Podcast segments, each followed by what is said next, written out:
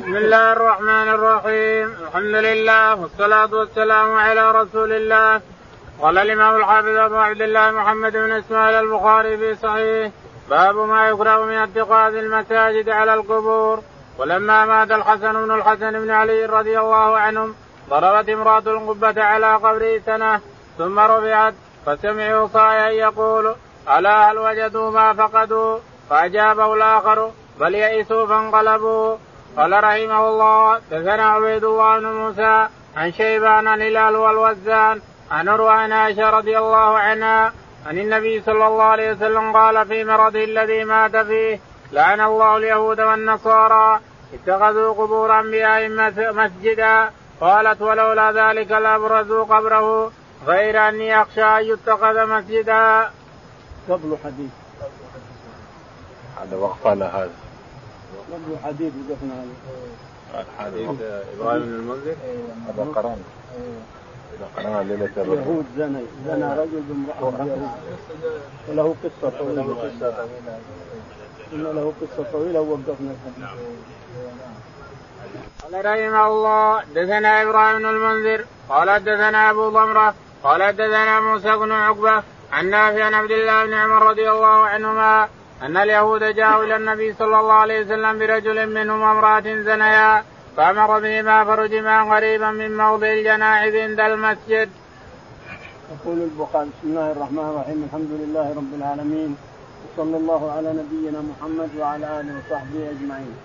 يقول الإمام الحافظ أبو عبد الله البخاري رحمه الله في صحيحه في كتاب الجنائز باب الصلاة على الجنائز باب الصلاة على الجنائز في المساجد يقول حدثنا إبراهيم بن المنذر. إبراهيم بن المنذر. قال حدثنا أبو ضمرة. أبو ضمرة. أنس بن ضمرة. قال حدثنا موسى بن عقبة. موسى بن عقبة. قال حدثنا نافع عن ابن عمر. نافع عن ابن عمر.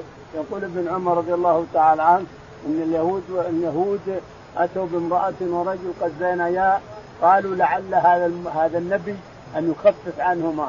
لأن في التوراة الرجم. التوراة فيها الرجم. من زنى يرجم. من زنى وهو محصن يرجم. فهذه زنت وهي محصنة. والرجل محصن فلازم يرجمان بالحجارة. قالوا لا نذهب إلى هذا النبي لعله يخفف عنهما لعله يجد شيء لعله يجد تسويد وجه بس قالوا فأتوا إلى النبي عليه الصلاة والسلام وذكروا له ذلك. فقال هاتوا التوراة. كتابكم يكفي. جابوا التوراة. جابوا التوراة وقرأها القاري وحط يده على آية الزنا. وإلى عبد الله بن سلام رضي الله عنه قال آية تحت يده يا رسول الله. ارفع يدك. فرفع يده وإذا فيها الرجل بالحجارة.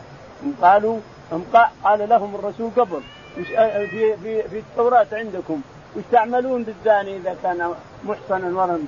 قالوا نسوج وجهة ونحلق لحيته ونسود وجهة ونطوف في الشوارع نطوف بالشوارع. قال هذا اللي في التوراة؟ قالوا نعم يا محمد. قال طيب هات التوراة. جابوا التوراة وقرأ القاري ويضع يده على آية الزنا فقال له عبد الله بن سلام رضي الله تعالى عنه ارفع يدك ارفع يدك عن الآية اللي تحت يدك. فرفع الآية فرفع يده ووجد الآية أنهم يرجمان بالحجارة. قال هذا كتابكم يرجمون بالحجارة ارجموهم بالحجارة. فرجمهم الرسول عليه الصلاة والسلام بالحجارة. يعني أول يحسون أن الرسول بيخفف؟ فلما لم يخفف أتى أمر برجمه بالحجارة. معنى هذا أن الزاني المحسن يرجم بالحجارة في التوراة والإنجيل والقرآن. الزاني المحسن يرجم بالحجارة. يرجم وهو بالحجارة. نعم. باب ما يكره من اتخاذ المساجد على القبور. ولما مات الحسن بن علي بن علي رضي الله عنهم مرت امرأة القبة على قبره سنة ثم رفعت فسمعوا صائحا يقول ألا هل وجدوا ما فقدوا؟ فأجابه الآخر بل يئسوا فانقلبوا. قال رحمه الله دثنا عبيد الله بن موسى عن شيبان الهلال والوزان عن عروان عائشة رضي الله عنها عن النبي صلى الله عليه وسلم قال في مرض الذي مات فيه لعن الله اليهود والنصارى اتخذوا قبور انبيائهم مسجدا قالت ولولا ذلك لأبرزوا قبره غير أني أخشى أن يتخذ مسجدا.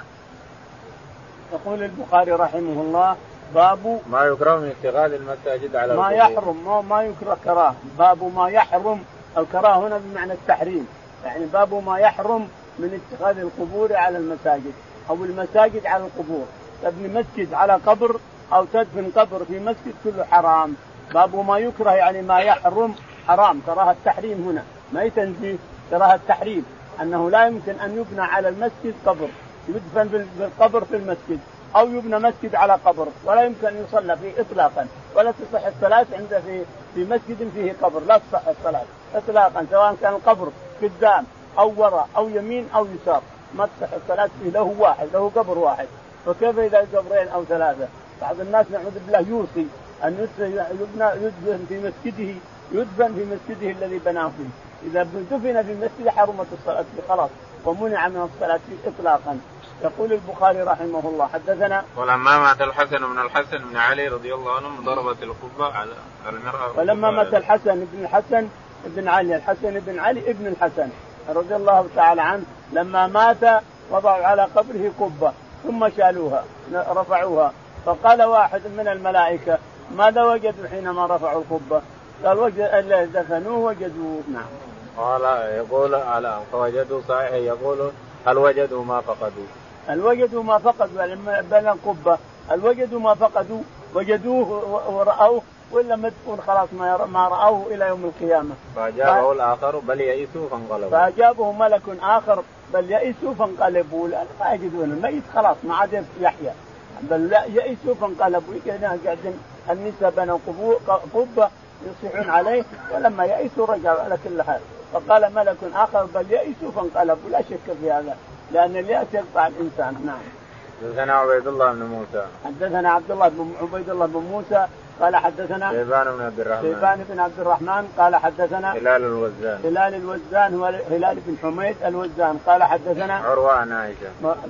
يروي عن عروة عن عائشة. عن عروة عن عائشة رضي الله تعالى عنها. نعم. النبي صلى الله عليه وسلم قال في مرضه الذي مات فيه لعن الله اليهود والنصارى اتخذوا قبور انبيائهم تقول عائشة رضي الله تعالى عنها إن أم حبيبة ورمله ام حبيبة وأم سلمة رضي الله تعالى عنهما لما رجعا من الحبشة حدث الرسول عليه الصلاة والسلام أن هناك تصاوير يصورونها وقبور يعبدونها من دون الله هناك في الحبشة فقال لعن الله اليهود والنصارى اتخذوا قبور أنبيائهم مساجد.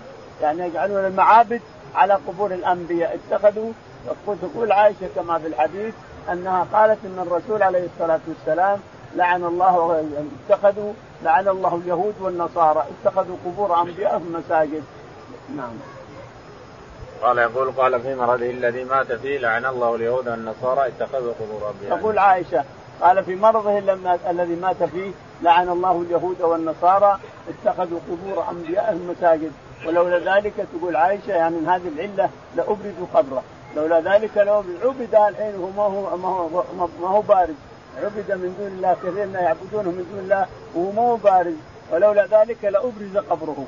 يعني لدفن برا ولكن عندنا حديث عنها هي رضي الله عنها أن النبي عليه الصلاة والسلام قال يدفن كل نبي في محل موته. يعني كل نبي يموت في مكان يدفن في مكانه الذي مات فيه. فمعنى هذا أنه ما ما, ما السبب في إبرازه أنه يعبد لا يعبد. ولا العبادة حصلت الآن. لكن السبب فيه أن كل نبي يموت يدفن في محل موته. المكان اللي مات فيه يدفن فيه. باب الصلاة على النفساء إذا ماتت في نفاسها.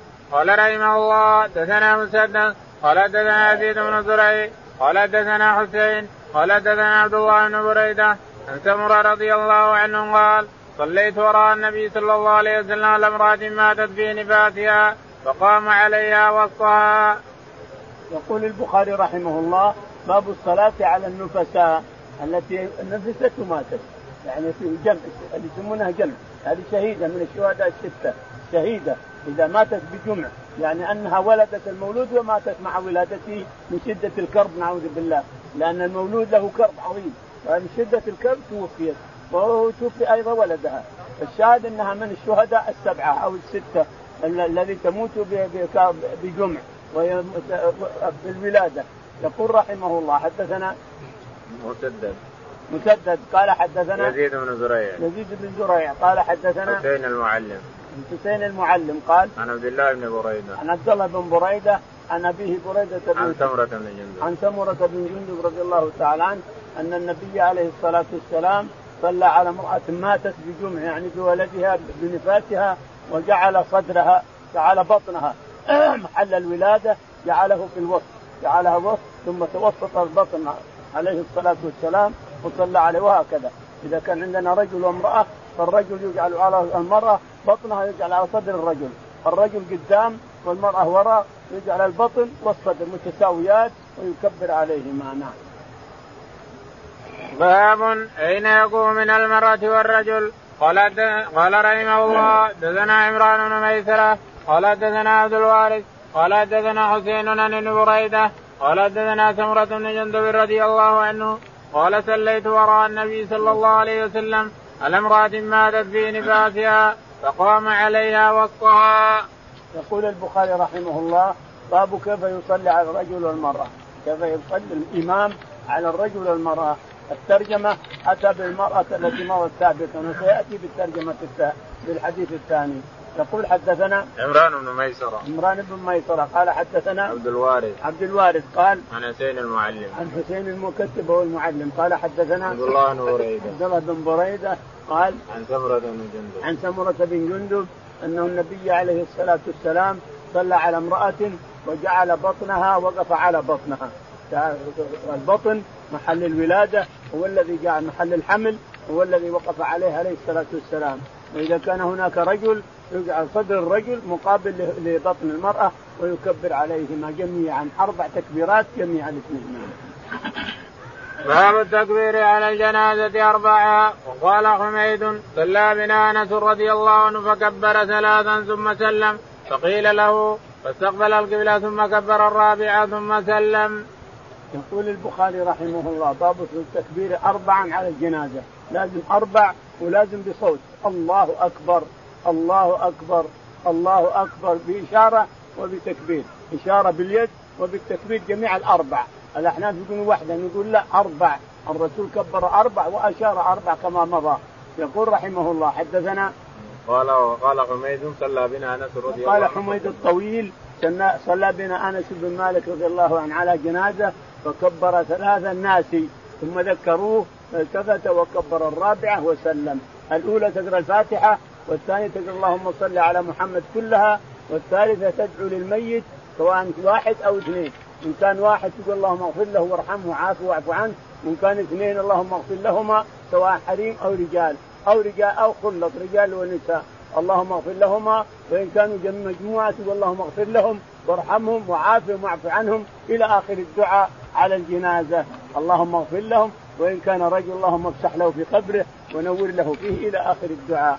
فالشاهد أن الرابعه ثم الرابعه تكبر وتسلم. الرابعه تكبر وتسلم تسليمة واحدة. ولم يثبت أن النبي عليه الصلاة والسلام سلم تسليمتين على الجنازة. إنما تسليمه واحدة على اليمين بس كافي. نعم.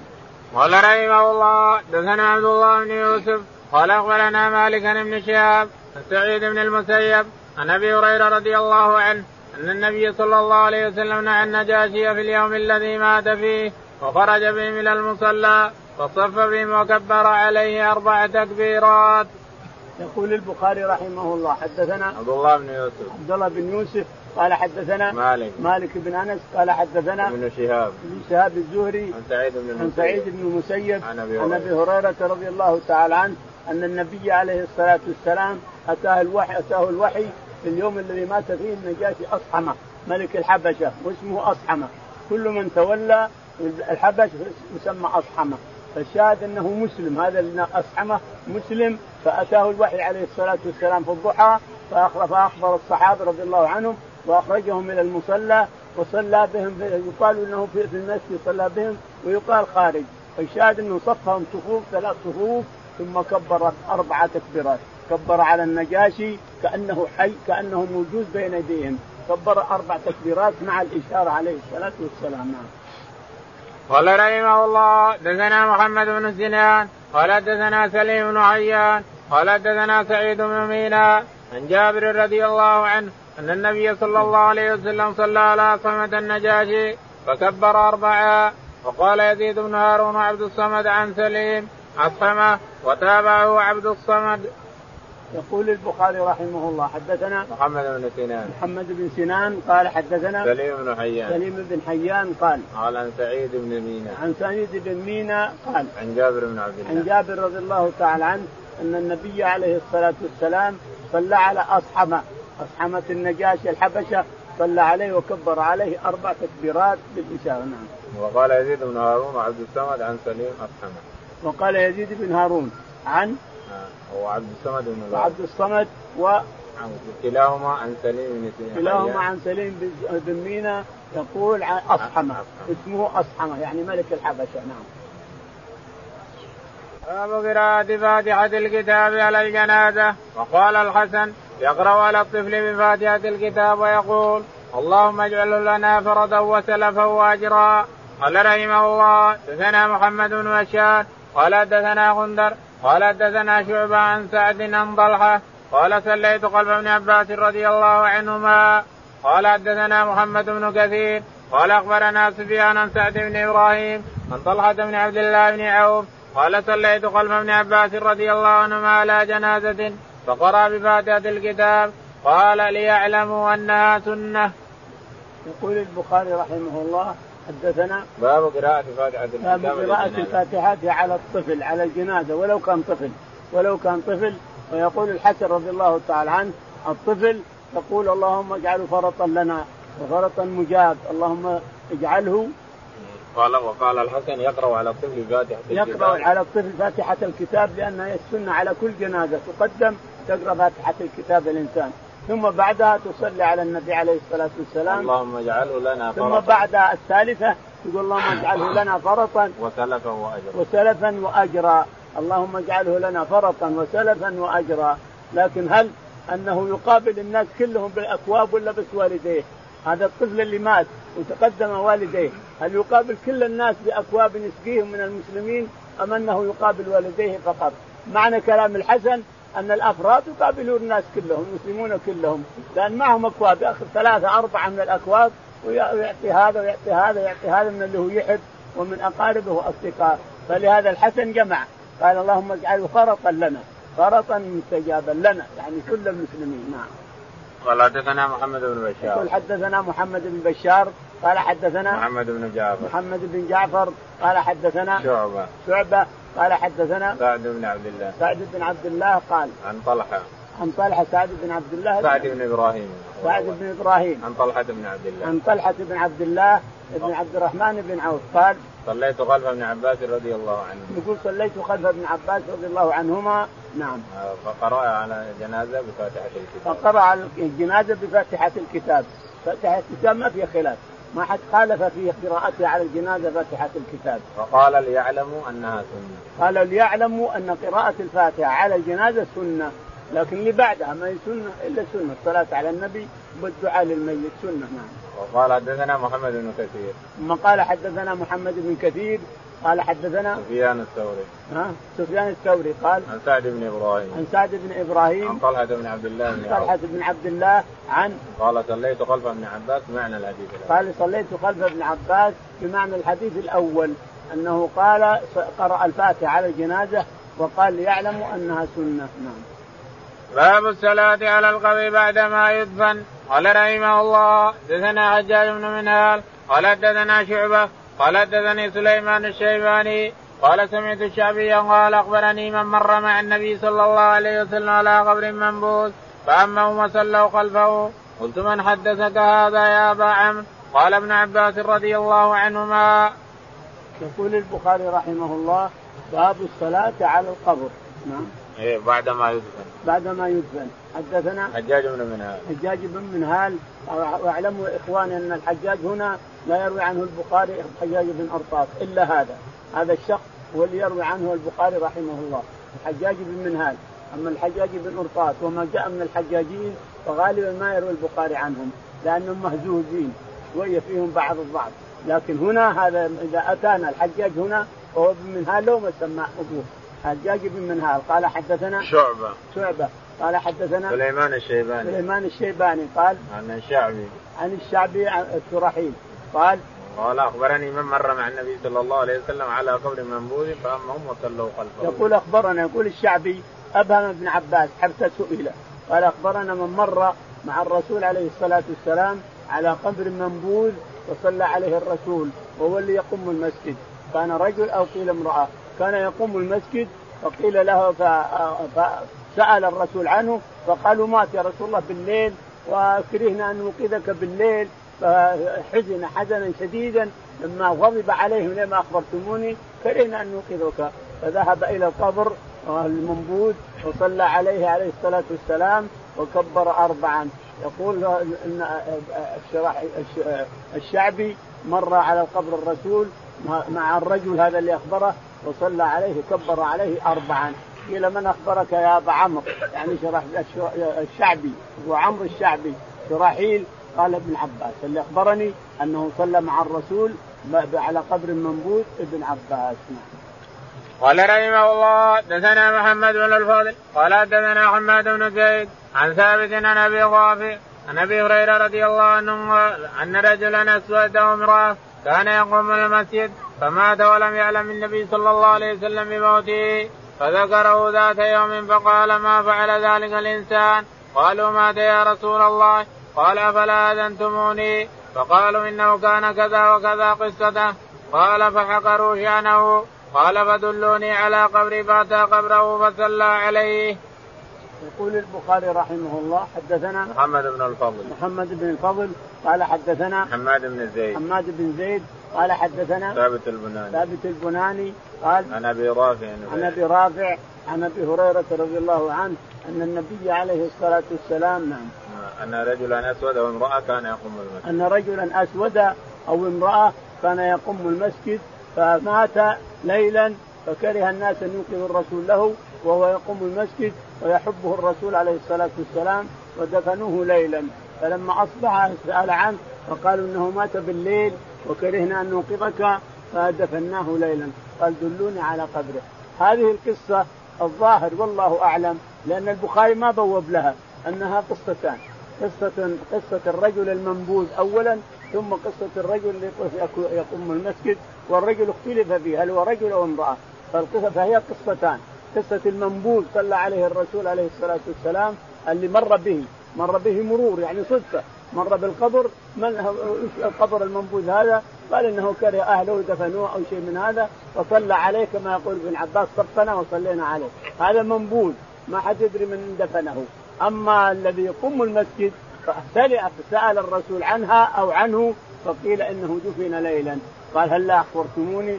قالوا يا رسول الله إنه مات ليلا وكرهنا أن نوقظك فدفناه. دلونا على قبرها أو قال قبره فدلوه فصلى عليه. هذه قصتين قصة الرجل المنبوذ وقصة اللي يقوم المسجد. نعم. باب الميت يسمع خفق النعال. قال رحمه الله دثنا عياش قال حدثنا عبد الأعلى قال حدثنا سعيد ها وقال لي خليفة بن خياط حدثنا ابن زريع قال حدثنا سعيد عن قتادة عن أنس رضي الله عنه النبي صلى الله عليه وسلم قال العبد إذا وضع في قبره وتولي وذهب أصحابه حتى إنه لا يسمع قرع نعال متاه ملكان فعقداه فيقولان له ما كنت تقول في هذا الرجل محمد صلى الله عليه وسلم. فيقول أشهد أنه عبد الله ورسوله. فيقال انظر إلى مقعدك من النار. أبدلك الله به مقعدا من الجنة. قال النبي صلى الله عليه وسلم فيراهما جميعا. وأما الكافر والمنافق فيقول لا أدري. كنت أقول ما يقول الناس. فيقال لا دريت ولا تليت. ثم يضرب بمطرقة من حديد ضربة بين أذنيه. فيصيح صيحة يسمعها من يليه إلا الثقلين. يقول البخاري رحمه الله باب الميت يسمع خفق النعال. الميت يسمع خفق النعال اللي يدفنونه. إذا دفنوه وانتهوا خلاص وأقفوا يمشون سمع خفق نعالهم أتاه الملكان. بعد ما ينكفون عنه بعد ما ينكفون يرجعون عنه تأتيه لأنه يتبعه ثلاثة. يتبعه ماله وولده وعمله عمله سواء صالح أو سيء. فيرجع ماله وولده ويبقى العمل سواء صالح أو سيء. الشاهد أنه إذا انتهى أولاده ورجعوا عنه يسمع خط لقالهم إذا رجعوا. تأتيه الملائكة عاد يسألونهم. يقول البخاري رحمه الله حدثنا عياش بن الوليد. عياش بن الوليد قال حدثنا عبد الأعلى. عبد الأعلى قال حدثنا سعيد بن أبي عروبة. سعيد بن أبي عروبة. ثم حول السند. ثم حول السند فقال حدثنا خليفة بن خياط. حدثنا خليفة بن خياط قال حدثنا يزيد بن زريع. يزيد بن زريع قال حدثنا سعيد بن أبي عروبة. سعيد بن أبي عروبة عن قال قتادة. عن قتادة قال عن أنس بن مالك. عن أنس رضي الله تعالى عنه أن النبي عليه الصلاة والسلام نعم قال العبد إذا وضع في قبره وتولى أصحابه إن حتى إنه لا يصنع قرن عالم. يقول أنس رضي الله عنه إن النبي عليه الصلاة والسلام قال إن الرجل إن العبد من العبيد سواء امرأة أو رجل إذا وضع في القبر ودفنوه وخلاص انتهوا من الدفن ثم أقطع عنه إنه لا يسمع قرع نعالهم وإن الملائكة لتأتي تسأله الملائكة تاتي تسأله.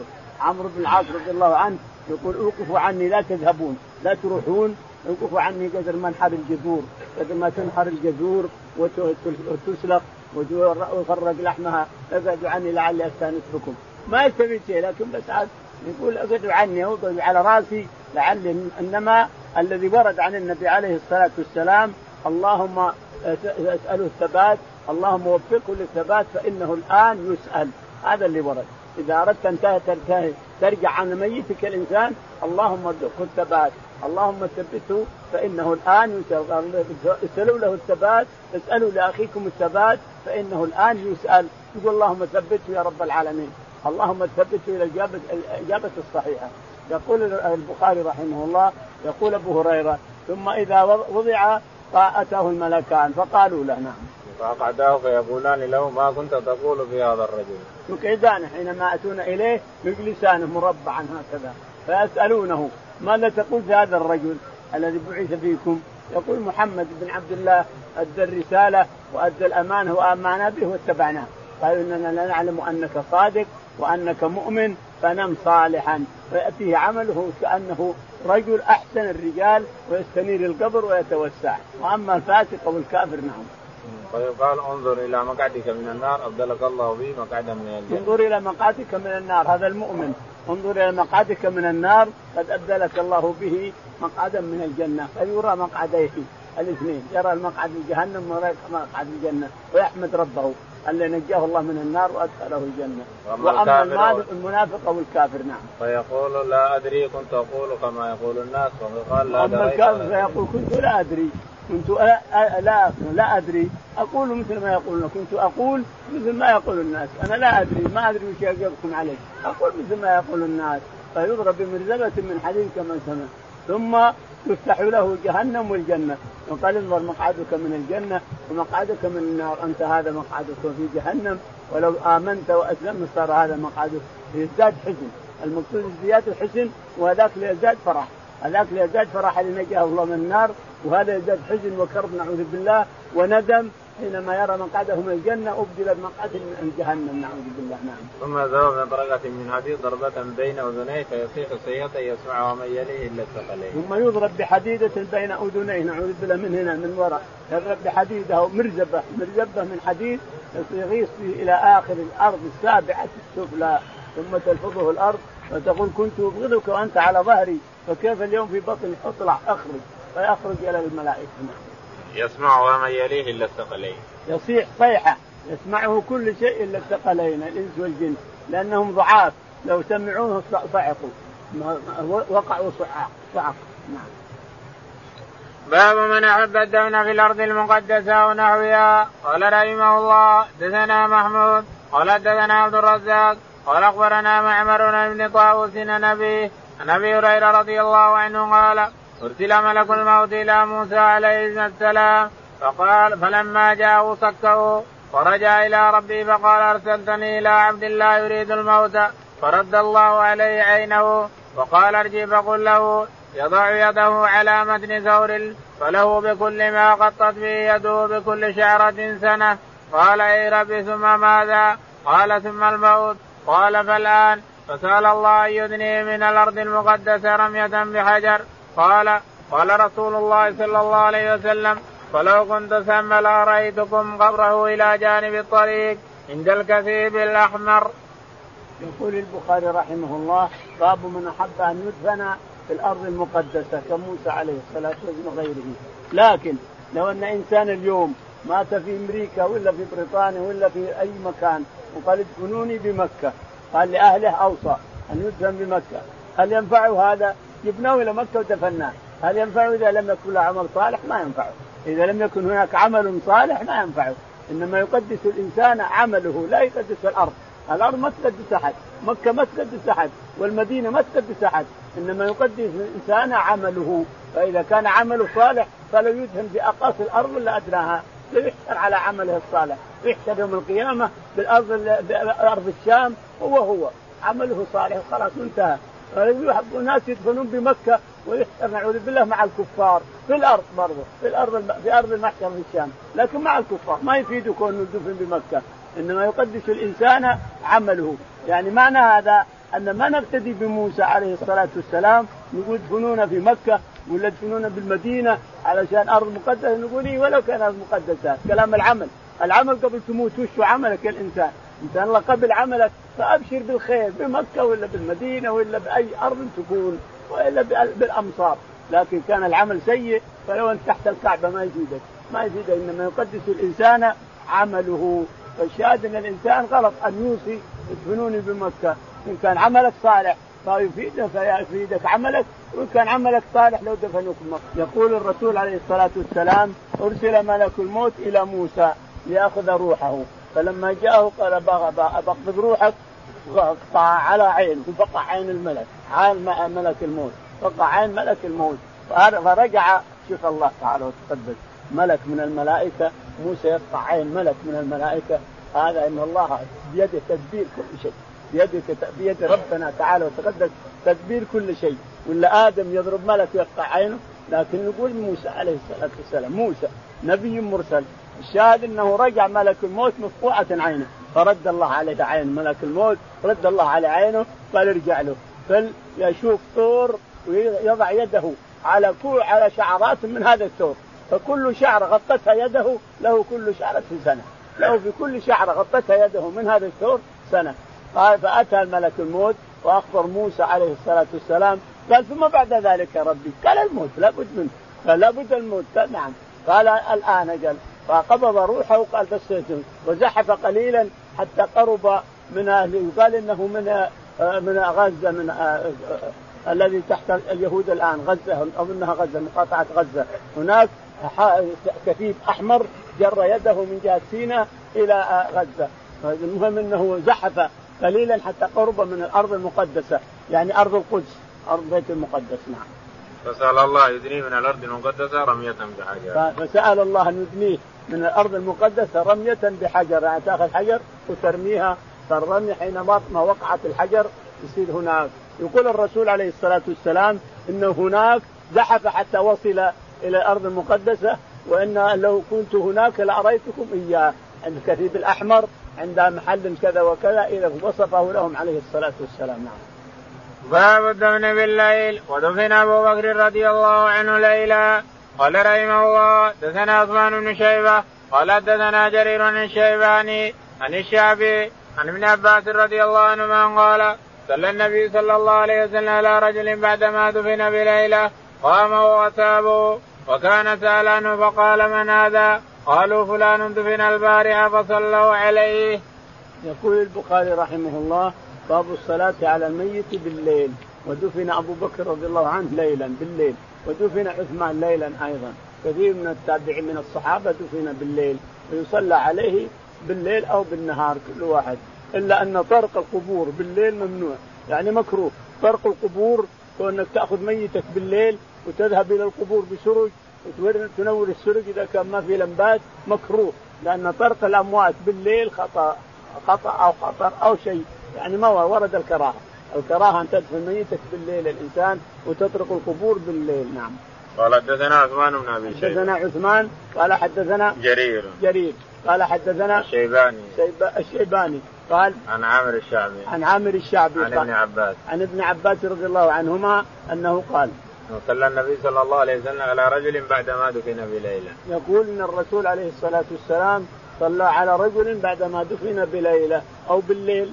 بليلة بليلة نعم بعدما دفن بليلة قام هو وأصحابه وسعى عنه فقال من هذا؟ فقالوا فلان دفن البارحة فصلوا عليه. صفر الصحابة رضي الله عنهم قالوا من هذا؟ قالوا فلان دفن بالليل وصلى عليه الرسول عليه الصلاة والسلام. معناه أن الإنسان إذا صار فقد احدا من أصدقائه وإخوانه ومحبيه فقدهم وسأل عنه فقالوا دفن يذهب هو يا أصحابه يصلون عليه نعم. لكن الظاهر بعد ثلاث إنه ممنوع.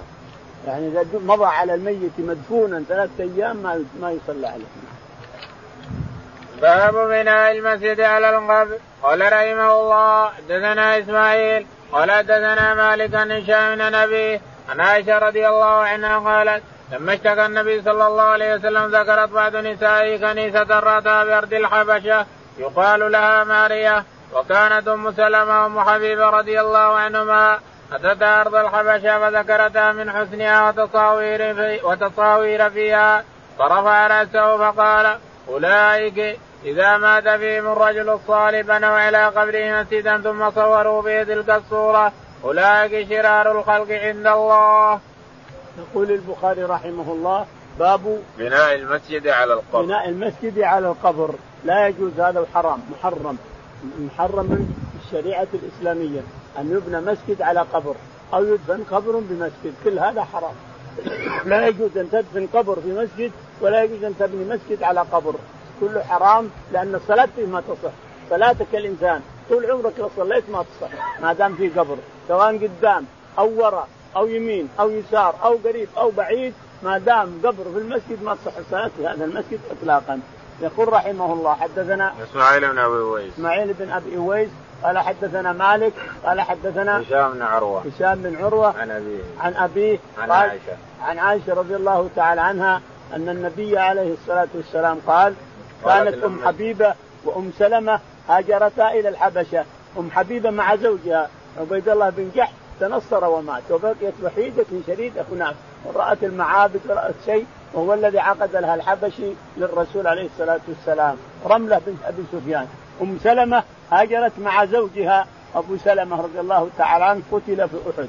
هاجرت معهم فالثنتين كانتا زوجتا للنبي عليه الصلاة والسلام ويحدثان عما رأيا في الحبشة. تقول يقولان يا رسول الله إن هناك ناس اذا مات فيهم الشريف بنوا على قبره مسجد وصوروا صور كبيرة وعبدوا هذه الصور قالوا اولئك شرار الخلق عند الله. هذولا إذا مات فيهم الشريف بنوا مسجد على قبره وصوروا فيه الصفر. أولئك شرار الخلق عند الله. نعوذ بالله. يحذر أن يعبد ان يفعل الناس كفعله. فعل الناس كفعله. الحين المسلمين اللي يسمون أنفسهم مسلمين يعبدون القبور عبادة صريحة. يبنون المساجد عليها ويصلون فيها. ما تلقى ولا مصر من الأمصار إلا وفي مساجدهم قبور إلا من يشاء الله. نعم. باب من يدخل قبر المرأة. قال رحمه الله دثنا محمد بن سنان قال دثنا فليح بن سليمان قال دثنا هلال بن علي عن أنس رضي الله عنه قال شهدنا بنت رسول الله صلى الله عليه وسلم ورسول الله صلى الله عليه وسلم جالس على القبر فرأيت عينيه تدمعان فقال هل فيكم من أحد لم يقارب الليلة؟ فقال أبو طلحان قال فانزل في قبرها فنزل في قبرها فقبرها قال ابن مبارك قال فليح أراه يعني الذنب. قال أبو عبد الله ليقترفوا. قال ليكتسبوا. يقول البخاري رحمه الله. باب من يدخل قبر المرأة. من يدخل قبر المرأة. من الأحق بالمرأة أن يدخل. وقبرها إذا لم نجد لها أحد يدفنها. من أقاربها. يتلقاها في قبرها. ما وجدنا أحد. ما من يدفنها. يقول الذي ما اكتسب ذنبا. فسروه أن الاقتراف هو الذنب. لكن بعض الشراح قال ما اقترف يعني ما جاء مع امرأته. ولكن بعيد هذا فيما أظن إنه بعيد. يعني من من منكم ما اقترف يعني ما وطأ زوجته أعتقد إنه فيه بعد. ان اقترف ذنبا أو خطيئه جائز هذا. يقول البخاري حدثنا محمد بن سنان. محمد بن سنان. قال حدثنا فليح بن سليمان. فليح بن سليمان قال قال عن هلال بن علي. قال هلال بن علي قال عن أنس بن مالك. عن أنس رضي الله تعالى عنه أن النبي عليه الصلاة والسلام كان جالسا على قبر إحدى نسائه وعيناه تذرفان من الدمع يبكي عليها.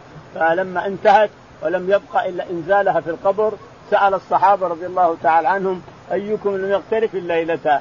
يعني لم يصب ذنبا جائز هذا. لم يصب امرأته جائز هذا بس إنه بعيد قليلا. فقال أبو طلحة أنا يا رسول الله. فقال انزل. فتلقها من الناس تلقها يعني وضعها بترابها. فنزل وتلقاها وأنزلها في تراب حفرتها ثم دفنوها دفنها الصحابة رضي الله تعالى عنهم وأرضاهم نعم. قال ابن مبارك قال فليح أراه يعني الذنب. يقول ابن المبارك رضي الله عنه يقول فليح أراه يعني ما اقترف ذنبا هذا رأي ابن فليح نعم. قال أبو عبد الله ليقترفوا أي ليكتسبوا. يعني ليقترفوا أي يقعوا في الذنوب. اقترفوا يعني يقعوا في الذنوب نعم. باب الصلاة على الشهيد.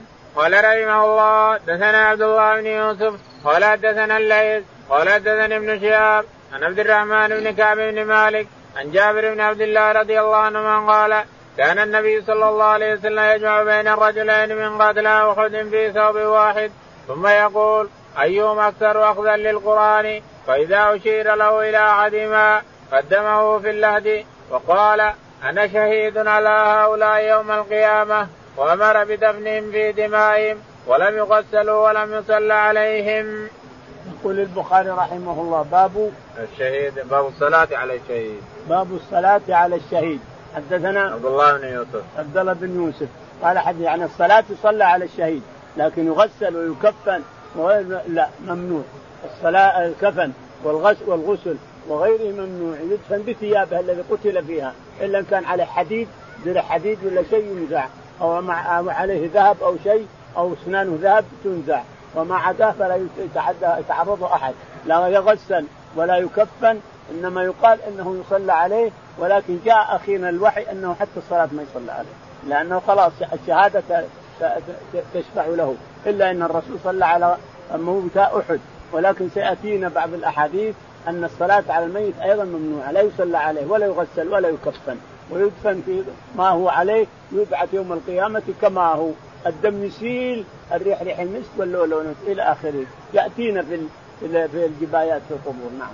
قال حدثنا عبد الله بن يوسف. حدثنا عبد الله. قال حدثنا الليث بن سعد. وليث بن سعد قال عن ابن شهاب. عن ابن شهاب الزهري قال عن عبد الرحمن بن كعب بن عن عبد الرحمن بن سعد بن عن عبد الرحمن بن كعب بن كعب. بن مالك عن, عن جابر بن عبد عن جابر بن عبد الله رضي الله تعالى عنه قال كان النبي صلى الله عليه وسلم يجمع بين الرجلين من كثرة. يقول جابر كان النبي عليه الصلاة والسلام يجمع بين الرجل لكثرتهم وهكذا يفعل بالناس المسلمين إذا ماتوا وكثروا يجمع بين اثنين وثلاثة وأربعة في قبر واحد. لكن الرسول قدم صاحب القرآن إلى القبلة وأول ودفن هو الأول. يعني يدفن الأول ينزل الأول الذي يقرأ القرآن ويجعل هو الذي جهة القبلة. ثم اللي بعده من وراء. يجعله من وراءه ويدفنون سواء. إذا كثروا وعسر الفتح عسر الدفن أو عسرت الحفر أن نحفر قبور أو شيء من هذا. طاعون مثلا أو حريق أو شيء. إذا كثر الناس تحط حفرة وتجعل اثنين وثلاثة. جائز هذا. يقول ان جابر رضي الله عنه إن النبي عليه الصلاة والسلام كان يجعل اثنين وثلاثه في قبر واحد ويسأل عن من أخذ القرآن. فاللي أخذ القرآن يقدمه في أول القبر ويجعل وجهه إلى القبلة. هو الأول يلي القبلة ثم بعده ثم بعده إلى آخره ثم يدفنونهم. وكل ما كثر الموتى على المسلمين يفعلون بهم هكذا. يجعلون ثلاثة وأربعة في قبر واحد. نعم.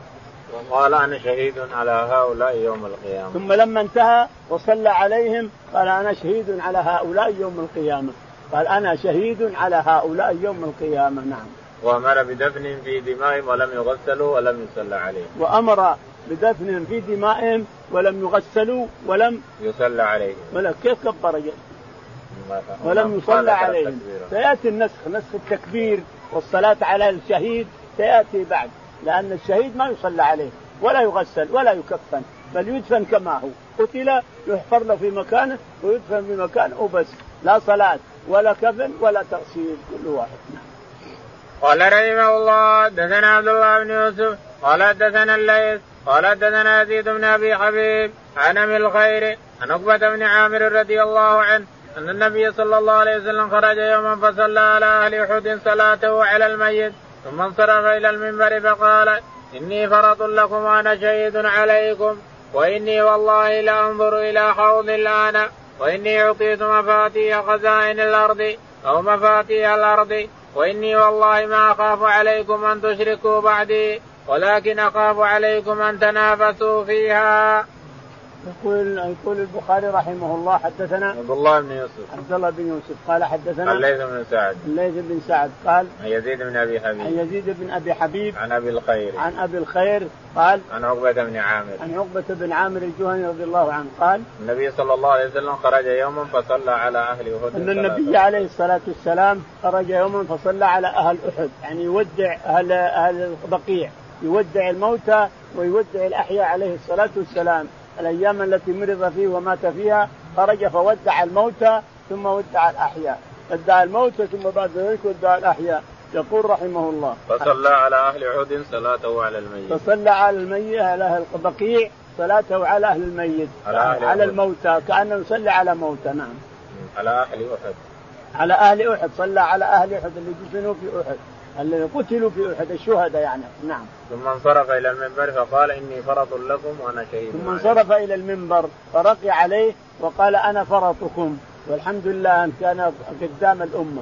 الرسول عليه الصلاة والسلام يقول من سعادة الأمة أن يموت نبيها قبلها ليكون فرطا لها ويشفع لها ويتلقاها. أما إن مات قبلها فهي شقية. الأمة اللي يموت نبيها قبلها شقية. لا شك في هذا. لكن الأمة اللي يموت قبلها نبيها قبلها يصير فرط لهم. ثم رقي على المنبر فقال أنا فرطكم على الحوض. إن المنبر يصيح عليه الصلاة والسلام يقول أنا فرطكم على الحوض. يعني قدامنا عليه الصلاة والسلام على منبره على حوضه التي أعطاه الله اياها الحوض الكوثر ما قبل في, في أيام العرصات. في أيام قبل أن نعبر الص- الصراط. قبل يعبرون الناس الصراط. موجود القبر آه، الحوض. موجود ال- ال- ال- الكوثر على عرصات ال- المحشر. في المحشر وربنا مطلع على العالم والناس يشربون المؤمنون يشربون من الحوض ويتروون وبعضهم يرد كما ورد في الحديث بعضهم يرد يا يا ربي أصحابي. قال لا إنك ما ما تدري ما احدثوا بعدك ارتدوا عن دينهم وارتدوا عن إسلامهم ولحقوا بالكفار إلى آخره. الشاهد أن النبي عليه الصلاة والسلام قال وهو على منبره نعم.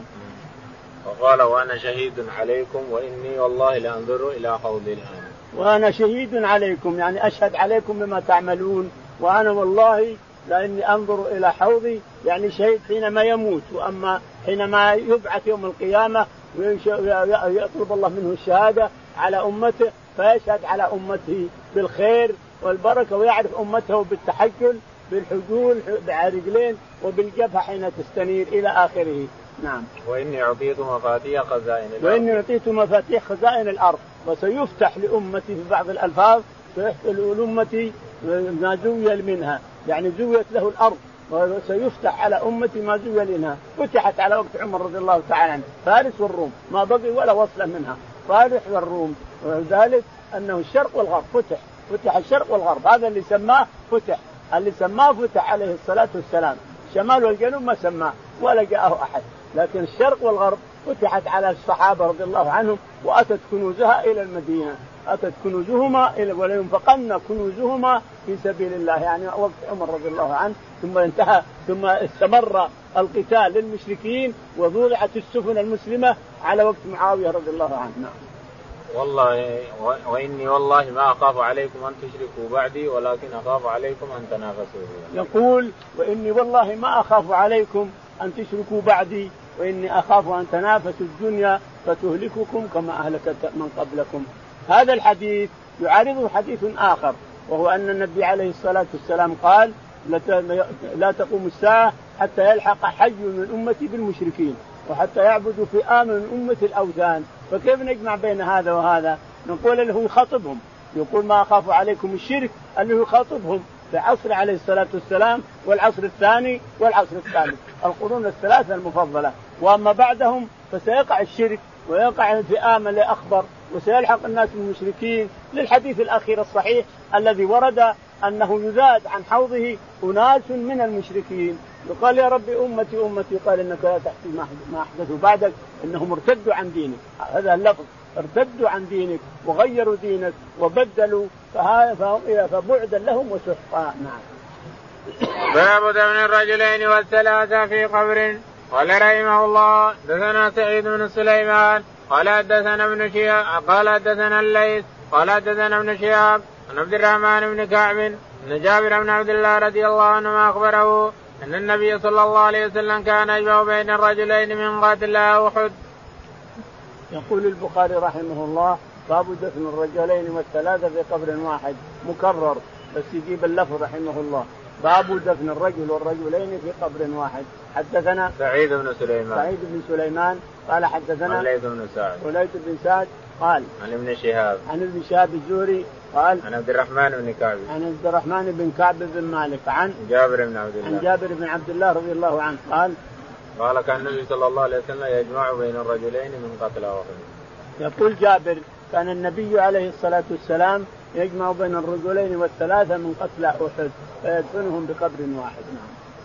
باب من لم ير غسل الشهداء. قال رحمه الله دثنا أبو الوليد قال حدثنا الليث عن ابن شهاب عن عبد الرحمن بن كعب عن جابر رضي الله عنه قال قال النبي صلى الله عليه وسلم ادفنوهم في دمائهم يعني يوم أحد ولم يغسلهم. يقول البخاري رحمه الله باب من لم يرى تغسيل الميت تغسيل الشهيد. الشهيد اللي يقتل في سبيل الله. خرج يريد وجه الله والدار الآخرة ثم قتل ما يغسل ولا يتكفن ولا يصلى عليه بل يدفن كما هو. يدفن كما هو شهيد. يبعث يوم القيامة في حالته التي دفن فيها.